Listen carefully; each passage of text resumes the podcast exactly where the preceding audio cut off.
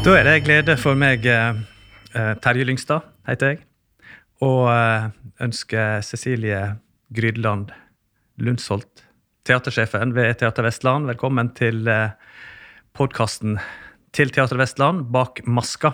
Og vi skal snakke om veldig mye spennende, syns jeg. Um, eh, mellom annet repertoaret til teatret våren 2022. Men jeg har lyst til å vente litt grann med det, og uh, høre deg snakke litt om hva er det egentlig Teater Vestland er og skal være uh, nå. Jeg vet du har snakka om uh, ulike scener, og du har snakka om teatret som turnéteater. Kan ikke du fortelle litt mer om, om eh, Teater Vestland? Ja. eh, For meg så er teater en møteplass. Eh, Det skjer både i at vi mennesker kommer og møtes. Det sitter noen i salen og ser på noen på en scene. Og kunstformen vår er jo en av de få hvor faktisk mennesker må møtes for at kunstformen skal funne sted. Så uten publikum, ikke noe forestilling. Eh, Og det er det jo veldig mange måter å jobbe med. Vi er et rent turnéteater. Det betyr at vi spiller noen forestillinger her i Førde, hvor vi holder til. Og så reiser vi ut på turné i hele Vestland. Og det er jo relativt nytt. Det kom med fylkessammenslåinga. Så i 2020 så fikk vi nytt navn. Gikk fra Sognefjord Amteater til Teater Vestland. Og så fikk vi også nytt turnéområde. Og vi har jo turnert i 44 år i år. Så neste år så er vi 45-årsjubileum. Ja, Svær bursdag. Ja. Så det er veldig stas. Og vi reiser i tre format. Vi har en hovedscene, og den spiller vi på Vi spiller på hovedscena på et svært kulturhus. Men i Vestland så fins det det Vi fins bare 15 sertifiserte scener. Så derfor så har eh, noen kloke teatersjefer lenge før meg funnet ut at vi også skal turnere i haller på kveldstid. Så da kommer teatret, bruker fire og en halv time på å rigge opp full hovedscene med amfi i svære idrettshaller. Og der spiller vi hovedsceneformatet vårt. Mm. Og så i Bodil Kvamme sin tid så tenkte Bodil mye på hvordan skal vi lage intimteater ute på turné. Så, så vidt jeg veit, så er vi det eneste regionteatret i Norge som reiser med en intimscene ute på tur. Og da rigger vi opp en, eh, en intimscene, en svart boks, som har plass til 68 publikummere. Og i min tid så har vi jo starta med enda et nytt format, for vi vil komme tett på der folk er. Og den ruta kaller vi Hus vi er glad i, som er grendehus, bygdehus, eh, samfunnshus. Hvor vi spiller litt andre typer forestillinger. Fordi på en hovedscene så kan du bruke hele teatermaskineriet. Men på en mindre grendahusscene så har man jo litt andre virkemidler som man skal gjøre da. Men disse tre scenene de eh, spiller vi på hele året. Ja. Så jeg har forstått at, eh, at eh, dere har planer om, eller kanskje allerede begynt med det, å spille to uh, framsyninger samtidig på en og samme spilleplass. Det minner litt om, uh, om det teatret gjorde før når den reiste med Kulturbåten i Innvik. Så kom en gjerne med en barneforestilling på dagtid, og så spilte en for voksne uh, på kveldstid. Uh, stemmer det at, at dere kan begynne å jobbe sånn? Ja, det skal vi jo teste ut eh, nå i eh, våren 2022. I det Grendahus hus vi er glad i-konseptet. Så kommer vi med en forestilling som heter Katteblues, som er en barneforestilling litt tidligere på kvelden. Og så kommer vi med en forestilling for voksne litt seinere på kvelden. Og da reiser de sammen, så vi har omrigg i samme hus. Og der er vi veldig glad for at uh, fylkeskommunen har gitt oss noen ekstra penger, sånn at vi får til det. Ja, så bra. 2022. Ja, veldig takk for det. Og da er vi egentlig kommet inn i uh, repertoaret, når du allerede snakker om katteblues. Men um, før det, kan ikke vi ta det litt kronologisk? Hva starta Teater Vestland med um, våren 2022? Første stykke. Det har jeg gledet meg veldig til å snakke om. Det er en dramatisering av en bok som Marit Eikmo har skrevet, som heter 'Gratis og uforpliktende verdivurdering'. Den er det Mari Hesjedal som har dramatisert for oss. Hun eh, bor i Voss. Kjempedyktig dramatiker. Og så er det Linn May Kongshavn som har regien. Det er jo, det er jo en roman, det her. Og jeg syns den er ustyrtelig morsom. Er det mulig å fortelle litt om hva det stykket her handler om, uten å røpe for mye? Ja, absolutt. Jeg syns også at den boka var uh, veldig morsom. Og den starter egentlig som litt sånn um, litt sånn feel good-roman om eh, et par som heter Hanne og Andreas, som eh, bor sammen i en leilighet og er veldig klar for å flytte ut. De har fått to unger. Litt for liten plass, ønsker seg et soverom til, hage. Og så er det liksom det derre punktet i livet med hvor, hvor mye lån får jeg av banken? Og denne drømmen om å flytte inn i det huset som er perfekt for oss. Og det er jo rammen rundt eh, historien. Men så er det et veldig sånn tett kammerspill, vil jeg si. Hvor hele livet rulles opp mellom disse to, dette samlivet som de har. Og hvilke valg er det de har tatt hver for seg, som den andre kanskje ikke veit at man har tatt? Og hvordan påvirker det eh, den andre i det forholdet, da. Og det handler veldig mye om det. Hvilke valg kan jeg ta som individ uten at eh, det har noen betydning for deg. For det, en tosomhet lever man jo ofte i. Så hvis man, hvis, man, bytter jobb eller vil flytte til et annet sted, så er det noe man må være enig om i et parforhold. Mm. Men dette her avdekker veldig mye av de valgene man tar. Og hva kan jeg gjøre? Og hva burde jeg fortalt deg som du ikke veit? Hva, hva, sjanger snakker vi om her? Er det en komedie, eller um, vil du plassere det en annen plass? Den har jo veldig mye sånn underfundig humor. Men det er jo et stort drama Maid Eikmo har skrevet. Og som alle store dramaer så tror jeg ikke at man kommer til tragedie uten å gå gjennom humor. Og det er det Maid Eikmo klarer så genialt i boka si. Jeg tror mange vil uh, kjenne seg igjen her. Uh, uansett hvor en uh, Ja, altså voksne mennesker i hvert fall, som har vært i, i sånne situasjoner som det her. Tror jeg, da. Ja, det tenkte jeg òg. Og så altså, kommer det på et tidspunkt som med all god dramatikk. At du har en gjenkjennelse. Jeg kjente meg veldig godt igjen i veldig mye. Og så kommer det plutselig til et punkt hvor jeg tenker sånn Herregud, hva kødder du med? Hva er dette her? Uh, og det syns jeg alle gode historier ja, så bra. Uh, må ha en spenningskurve. Det er mye spenning ja. i gratis uforpliktende verdivurdering. Teater der du kommer til det punktet der du sier 'kødder du med meg'? Det må bli bra. Det er nødt til å bli bra. Ok. Um, katteblues og, um, som ett stykke, og så Send storm skal være dobbeltframsyning. Litt sånn som, Ikke bare litt sånn, men som du sa. Um, skal sendes ut på, til bygdehus rundt om i fylket. Si litt om begge disse uh, stykkene hver for seg. Først Katteblues. Katteblues er jo en eh, forestilling som uh, Idun Losnegård og Jakob Wyrst har laga sammen med meg. Vi lagde den uh, under vårpandemien 2020, og den fikk jo et altfor kort liv pga. pandemi. der tok vi utgangspunkt i alle mulige historier vi kunne finne om katter. eventyr, myter. leste veldig mye, gjorde veldig mye research. Og så visste vi at vi skulle lage det til vår egen forestilling med bluegrass og bluesmusikk. Eh, for Jakob og Idun har jo sitt eget band. Mm -hmm. Så de er jo kjempegode musikere, så vi ønska å blande historiefortelling og inspireres av disse gamle kildene og den blues, bluegrass-tradisjonen. Så det har blitt et helt eget eh, eventyr basert på veldig mye annet som har gått uh, før oss. En uh, overraskende nydelig liten historie om uh, vennskap og grensesetting. Det er jo en katt og en mus. Og den store utfordringen i dette stykket er instinkter fra katt og mus. Og har du lov til å spise din bestevenn? Ja. Du verden. Um, du har regien på det her? Ja. ja. Eh, hvem er det for? Er det en aldersgruppe som det passer best for? Dette passer best for eh, barnefamilier.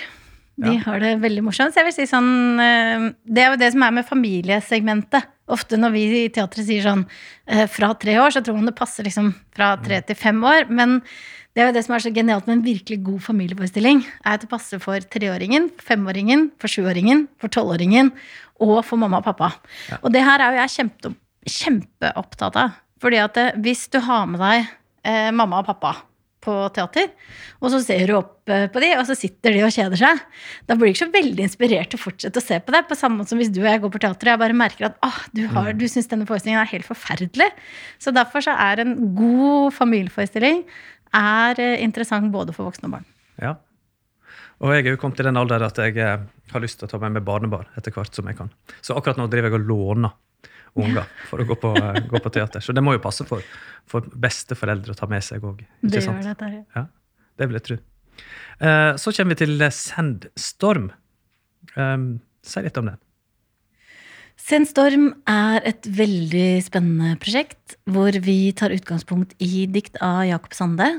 Og så er det Vilja Losnegård som har jobba med et helt sånn unikt uh, lydlandskap og komponerer et nytt Et helt sånn nytt lydunivers.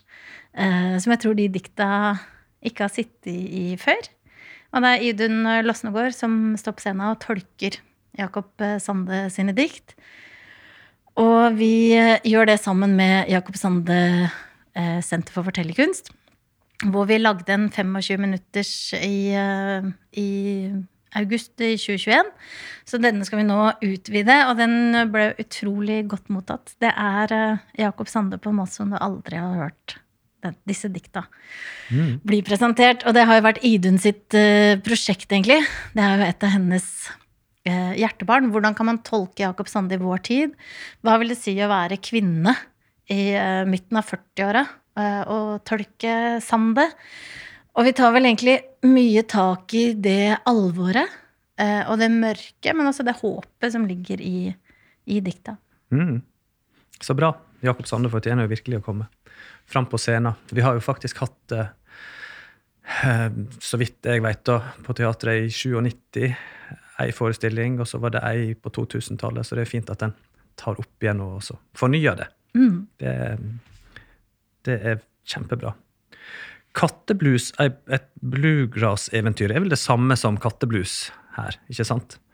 Um, så uh, hvis vi da skal kort uh, si litt om de andre forestillingene som kommer som uh, iallfall ett gjestespill. Vi kan ta det først. Are Kalve toppa VG-lista.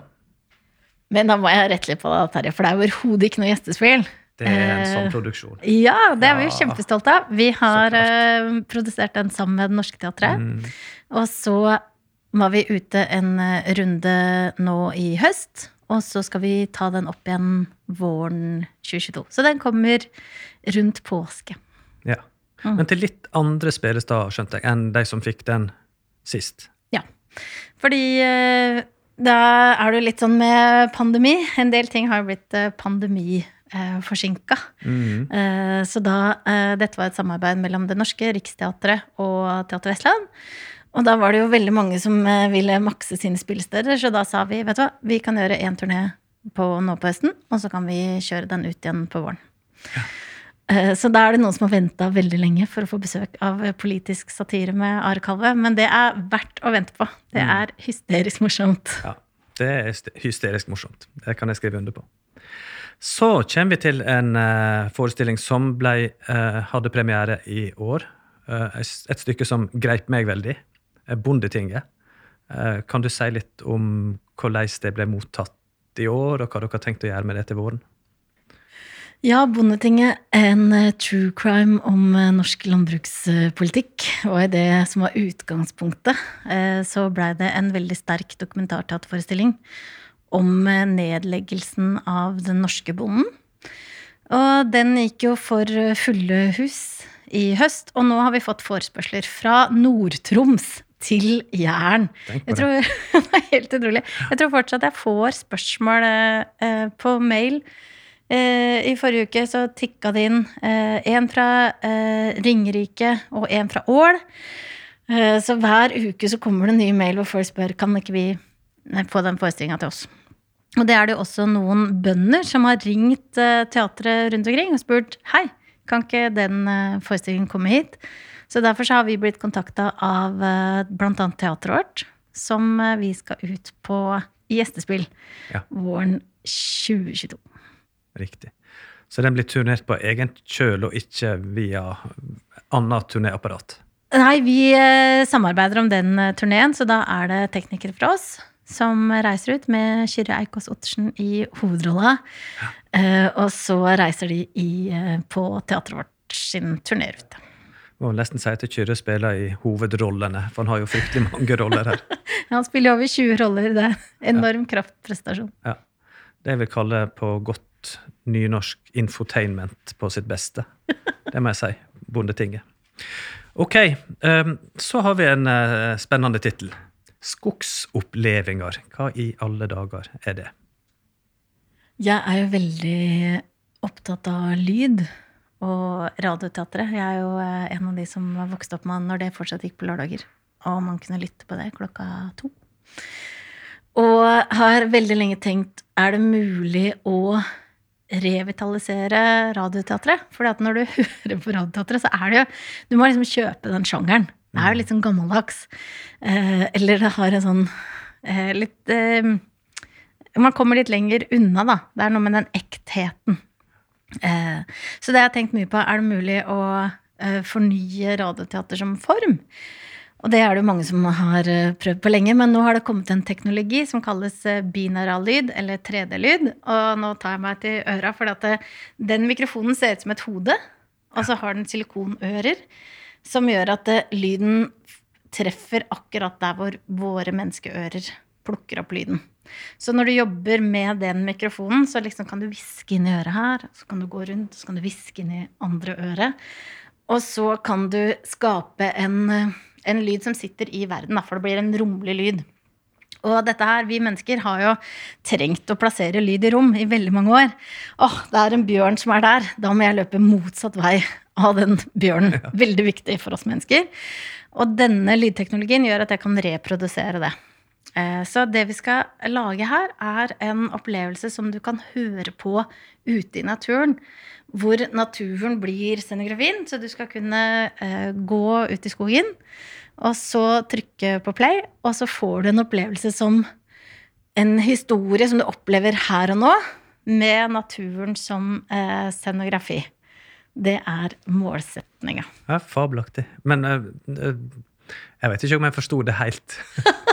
Forklar litt mer for, til publikum. Altså, da skal det faktisk være på en bestemt sted ute i et skogsområde. Det som er, ikke sant, at Vi som driver med teater, vi sier jo hele tiden 'Kom eh, torsdag klokka tre, da spiller vi forestilling'. Eller lørdag klokka seks, da er det forestilling. Så dette her er jo en opplevelse som du kan laste ned fra våre nettsider. Og så kan du ta med deg den ut i skogen. Så når du går tur og vil ha en ti minutters pause, så kan du sette deg med. Du må ha på hodetelefoner. Så setter du deg ned på stubben din, og så trykker du på play, og så er det. Så det er eh, sånn teater eh, on demand. Ja, ja. Så jeg kan ta på meg mine Bose-høyttalere. Uh, mm. Ta med meg mobilen og, ja. og spille. Eller bare noen veldig billige hodetelefoner ja, ja. også. Ja, ja. Selvsagt. Morsomt. Ok. Um, Lab-prosjekt. Pop-up teater. Fortell. Ja, dette går jo inn i eh, sånn litt sånn kanskje videreføring av det med skogsopplevelser, da. Eh, teater på andre, på andre måter og på andre steder enn vi vanligvis opplever teater. Eh, og Teater Vestland har jo hatt lang tradisjon for at skuespillerne gjør noe som er faglig påfyll i en uke, og det er det vi kaller lab. Ja. Og så i denne labuka så skal vi lage noen eh, det vi kaller stedspesifikke forestillinger. Og det betyr at de er lagd til et spesifikt sted. Og hvis vi skal nerde litt på det, så vil jeg kanskje kalle dette stedsensitivt. Eh, fordi det blir lagd til én park istedenfor Hafstadparken. Ja, ja. Eh, sånn at du kan ta med det til en annen park enn bare Hafstadparken. Så øh, ønsker vi å skape noen opplevelser som er dette pop-up-teater. Hvor disse forestillingene kan, som er øh, korte episoder, øh, kan liksom poppe opp nær deg. Så drømmen min er at de skal lage en som er i en sparbutikk, en som er i et kontorlandskap, og en som er vet ikke, på en tandemsykkel. Og så kan de poppe opp rundt i hele fylket med disse små opplevelsene. Og det er jo litt i forhold til sånn liksom, skogsopplevelser. Du kan høre på det når du vil. Eh, teateropplevelser ute som er nær deg. Eh, jeg har jo tro på det at det veldig mange, veldig mange sier at eh, jeg liker ikke teater. Eller ah, teater er ikke helt greia mi. Men veldig mange har ikke vært på teater på veldig mange år. Mm. Eh, og så tror jeg også det er et eller annet med at man, når man har sett noen teaterstykker, og de har vært ganske like, så tenker man at alt teater er sånn.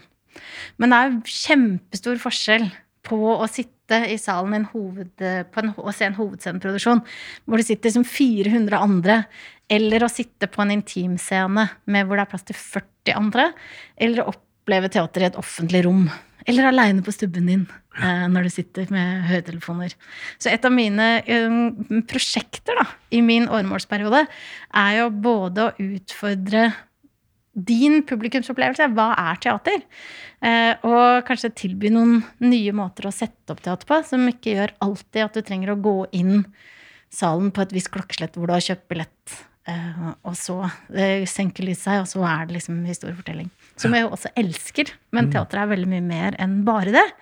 Og det sånn den samla vifta i våren 2022, den vil by på veldig mye forskjellige måter å også sette opp teater på og oppleve teater på.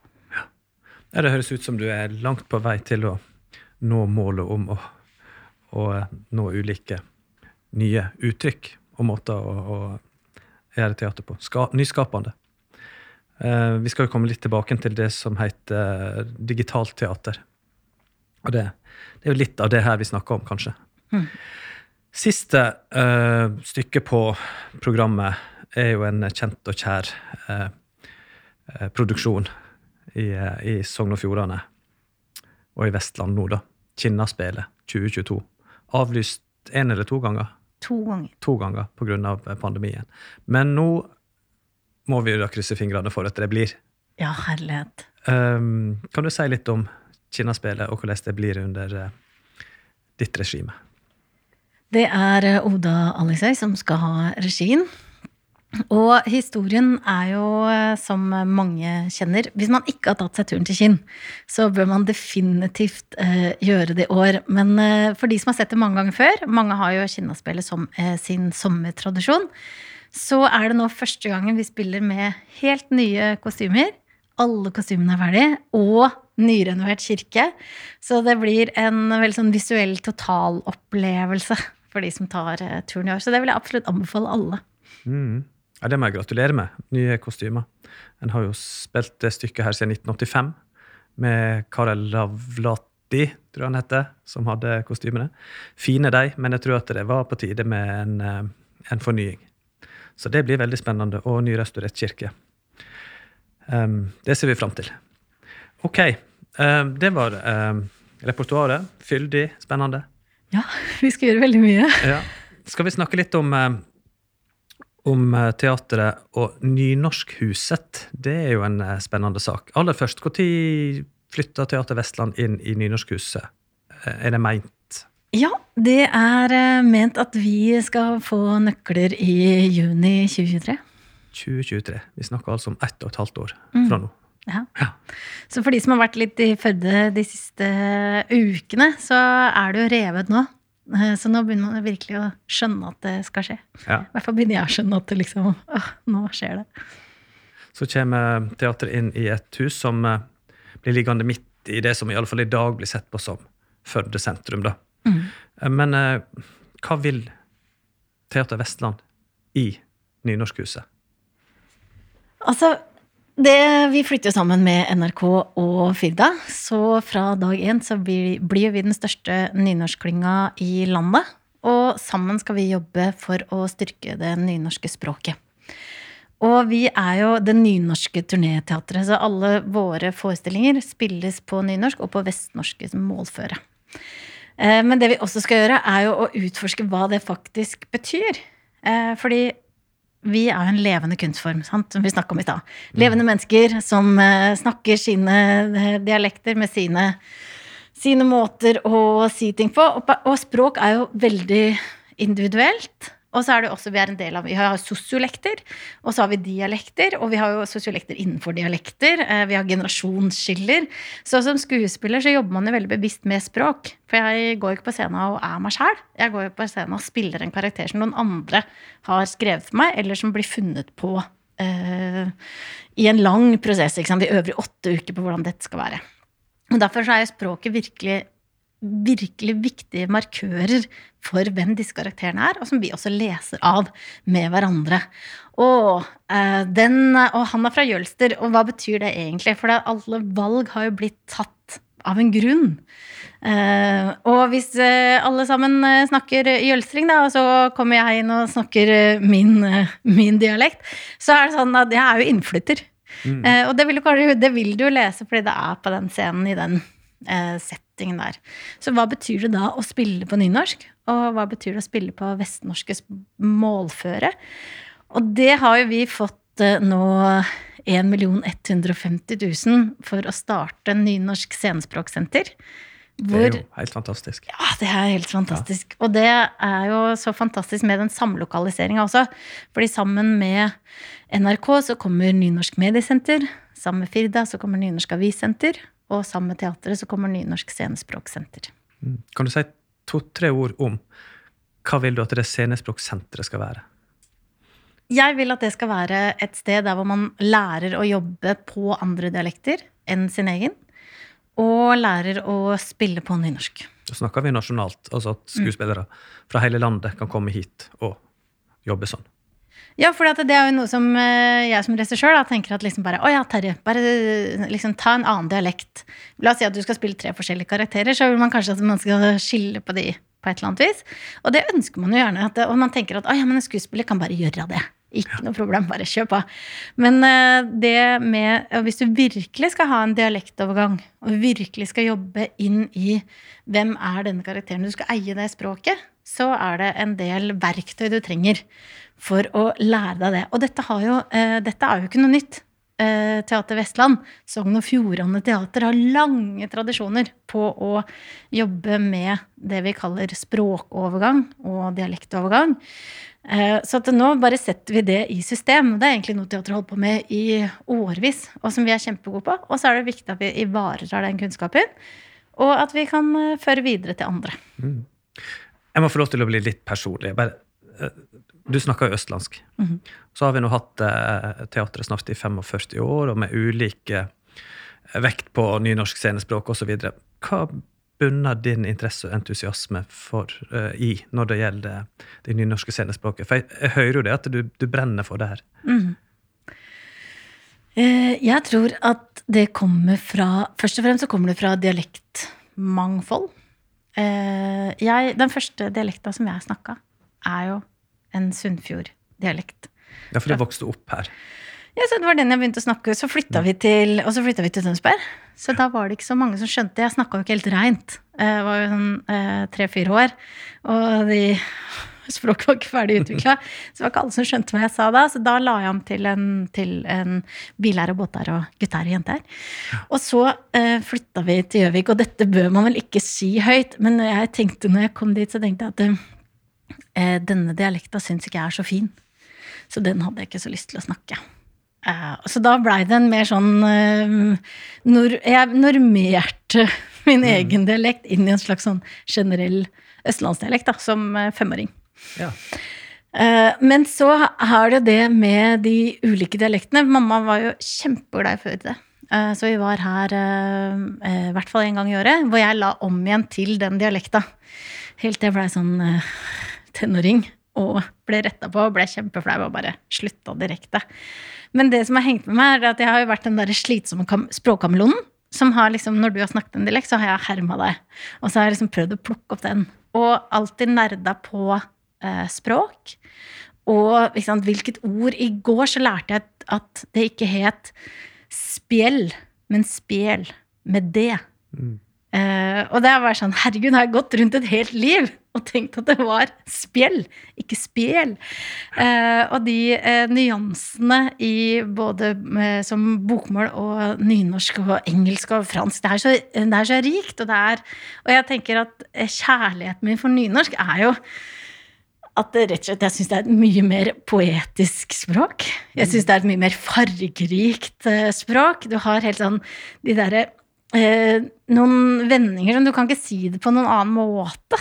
Eh, og når du oversetter det, så ender du opp til å liksom miste noe av innholdet eller eh, detaljrikdommen som nynorsk har. Altså, tenk på Shakespeare. Han mm. fant jo opp eh, flere tusen engelske ord. Det er ikke noe som er så bra som å se Shakespeare på nynorsk. Jeg er enig med deg. Og jeg hører at du har en stor kjærlighet til nynorsken. Og det tror jeg gleder veldig mange i vårt, eh, i vårt eh, eller i Teater Vestlands turnéområde, da. For det er jo nynorsken som, som er gjeldende utenfor eh, Bergen i hele området. Vi går litt videre. Um, eller enda et sånt siste spørsmål rundt det her med huset. Fordi um, teatret har jo ligget i Førdehuset mm. helt siden 1977 da som var nytt. Og, og kanskje de som har jobba der, har hatt en kjensle av at det, en drukner litt bak eh, at de ikke får fram navnet Teater Vestland, eller Sogn og Fjordane Teater i sin tid. Hvordan skal en bli synlig for innbyggerne eh, i Nynorskhuset? Eller vil en fortsatt bli stående bak eh, en annen eh, hovedlogo? Altså, vi, eh, det skal mye til før vi blir usynlige der, tror jeg. Vi får en eh, Vi får to svære saler. Eh, En eh, hovedscene med plass til ca. 270. Og det vi kaller en black box, en intimscene med plass til litt færre publikummere. Så får vi en fantastisk fin foyer som er, blir et myldreområde, publikumsareale, som både vi, NRK og Firda skal bruke sammen. Der eh, håper vi at det skal bli eh, liv og røre og storstue. Eh, veldig mange tider på døgnet. Og det er jo det dette huset, og som vi kan tilby, med å komme eh, inn i et areal som vi eier, eh, så er det lettere å gjøre eh, disse pop-up-tinga.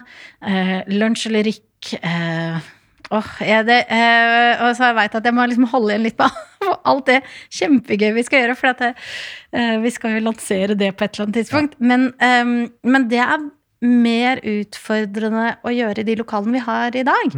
Um, fordi at når vi deler de arealene, og det er kjempefint eh, å dele de, men det har noen andre logistiske utfordringer med å bruke de eh, områdene, fellesområdene.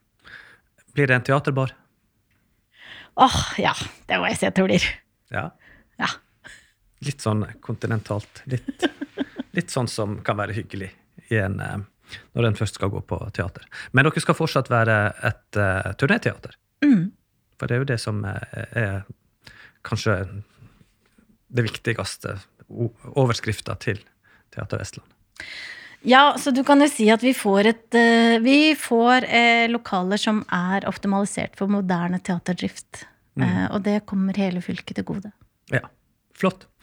Um, neste punkt på min liste.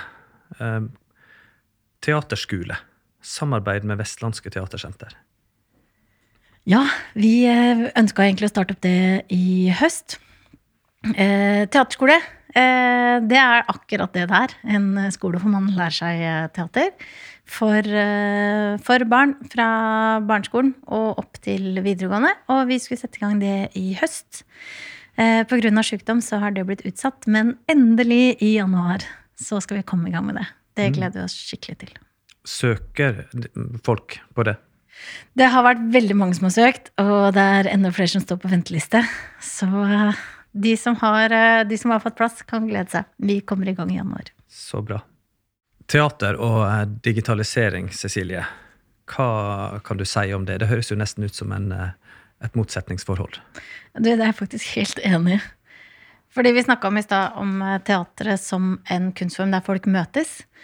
Og streaming syns jeg er det helt motsatsen av det. Når teater blir film. Og er det da teater fordi jeg har lagd å si dette er teater? Eller er det film fordi at du har ikke lenger noen interaksjon mellom publikum og de som står på scenen, som jeg mener er kjernen av vår kunstform. Og samtidig så vet vi at eh, digitalisering har gjort eh, veldig mange hopp i alle bransjer. eh, Etter at koronaen Noen sier at det har dratt oss 15 år fram i tid. Og da er det veldig viktig at teatret også blir med på å se hvilke muligheter er det vi har i en ny tidsalder. Og da har jeg tenkt veldig mye på det på Shakespeares tid så eh, Han skrev ofte stykkene sine i tre til fem akter. Eh, og at hver akt er like lang som det største stearinlyset på den tida. Eh, sånn at de kunne bytte stearinlyset mellom aktene når de spilte på Slottet. Og det er klart det at når lyskosteren kom, så revolusjonerte det vår kunstform og de mulighetene som vi fikk når vi hadde kunstig lys. Og på samme måte så er det veldig mange verktøy i dag som ikke var til stede bare fem år siden. Utviklingen skjer så utrolig fort. Og der må vi være med som eh, scenekunstnere og som bransje og si oi, hvilke, hvilke nye muligheter er det dette gir oss? Eh, samtidig så er eh, film og teater syns jeg egentlig er veldig utfordrende. Fordi jeg opplever at det egentlig bare er dokumentasjon. Fordi at vi er avhengig av Teaterformen er avhengig av et møte. Men så fins det jo en del interessante ting hvor du faktisk kan være til stede i et verk. Og det er jo f.eks. Vi har begynt å blande teater og VR. Vi har begynt å blande teater og augmented reality og legge på et lag på virkeligheten. Så da begynner man å få en del sånn spennende ting. Men er det da teater hvis du opplever det egentlig som et dataspill? Mm. Eh, så dette her skal vi utforske gjennom et helt år. Vi har fått med oss fem scenekunstnere eh, til å være med sammen med Teater Vestland og Nordland Teater. Og så skal vi prøve å finne ut av det. Verktøy. Hva skjer, vi, hva skjer når vi streamer, og hvordan kan vi skape nye opplevelser for deg som publikummer i en ny tidsalder? Ja, Spennende. Igjen, Teater Vestland er virkelig med i den teknologiske utviklingen. Det det er veldig interessant. Vi skal avrunde, eh, men eh, sånn avslutningsvis. Det er tilsett en fast dramaturg ved teatret. Kan du ja. fortelle kort om det? Ja, det er veldig mange som lurer egentlig på hva er en dramaturg. Eh, og en dramaturg er jo en som er ekspert på ulike måter å fortelle historier på. Eh, så eh, du og jeg nå har jo snakka i en eh, lineær dramaturgi. Vi har hatt en begynnelse, du hadde en introduksjon. Nå har vi kanskje begynt å nærme oss slutten. ikke sant? Jeg har vært innom noen midtpunkter, og så vil det være en avslutning. Mens vi kunne også jobba en sirkeldramaturgi. At vi begynner, og så slutter historien på samme sted. Så regissøren er jo den som er sjefen for det hele. Det er denne forestillingen som skal settes opp, og det har jo teatersjefen Eh, bestemt hvem som skal sette det opp, hvem som skal gjøre det. Skuespillerregissør. Og så er det regissøren som er arbeidsleder i rommet. Men den trenger jo av og til også litt hjelp. Hvordan skal jeg fortelle denne historien? Og en dramaturg er da en ekspert på ulike måter man kan fortelle det på. Uh, og da er det Miriam Prestøli, som mange kjenner. Hun har jo vært med å starte en fantastisk teaterfestival i eh, Fjaler. Hun er også en eh, eminent regissør. Og hun er sammen med meg i mitt åremål og skal være dramaturg på teatret i min periode. Mm. Og da, så, så, hun får både liksom være Hun er jo både da inne og pirker på hver forestilling, men så er jo også hun sparringspartneren til meg som teatersjef. Eh, så nå, for eksempel, så driver jeg og tenker på ah, ja, hvordan skal det se ut i, i 2023? Hvilke forestillinger skal vi gjøre?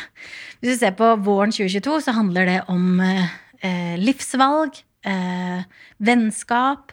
Det er mye nykomponert. Hver forestilling har nykomposisjoner i seg, så du kan si at det er en rød musikalsk eh, tråd. Eh, men det er også en forestilling om hvilke valg vi skal ta. Hver forestilling handler om livsvalg.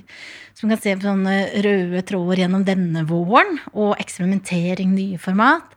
Uh, og dramaturgen hjelper meg å si hm, Cecilie, men du har jo hatt disse visjonene for de fire åra som du skulle være teatersjef her nå. Eh, åh, dette her, husk på dette, eller dette er det mangler. Åh, kanskje denne regissøren, eller åh, jeg har lyst på en komedie. Så kan jeg be Miriam lese 40 komedier, mm. og så trenger kanskje jeg bare lese 10. Ja, så bra. Nå kom det meg i forkjøpet når jeg skulle avslutte og spørre om hva som er den røde tråden i vårens repertoar, så det er fint. Så da avslutter vi rett og slett her. Jeg syns du var flink til å forklare oss hva en eh, dramaturg gjør. Da vil jeg bare takke deg, Cecilie, for eh, denne podkasten Bak maska. Og ønske deg eh, tvi-tvi, som det heter på teaterspråket, med vårens hendinger og repertoar. Tusen takk, dere.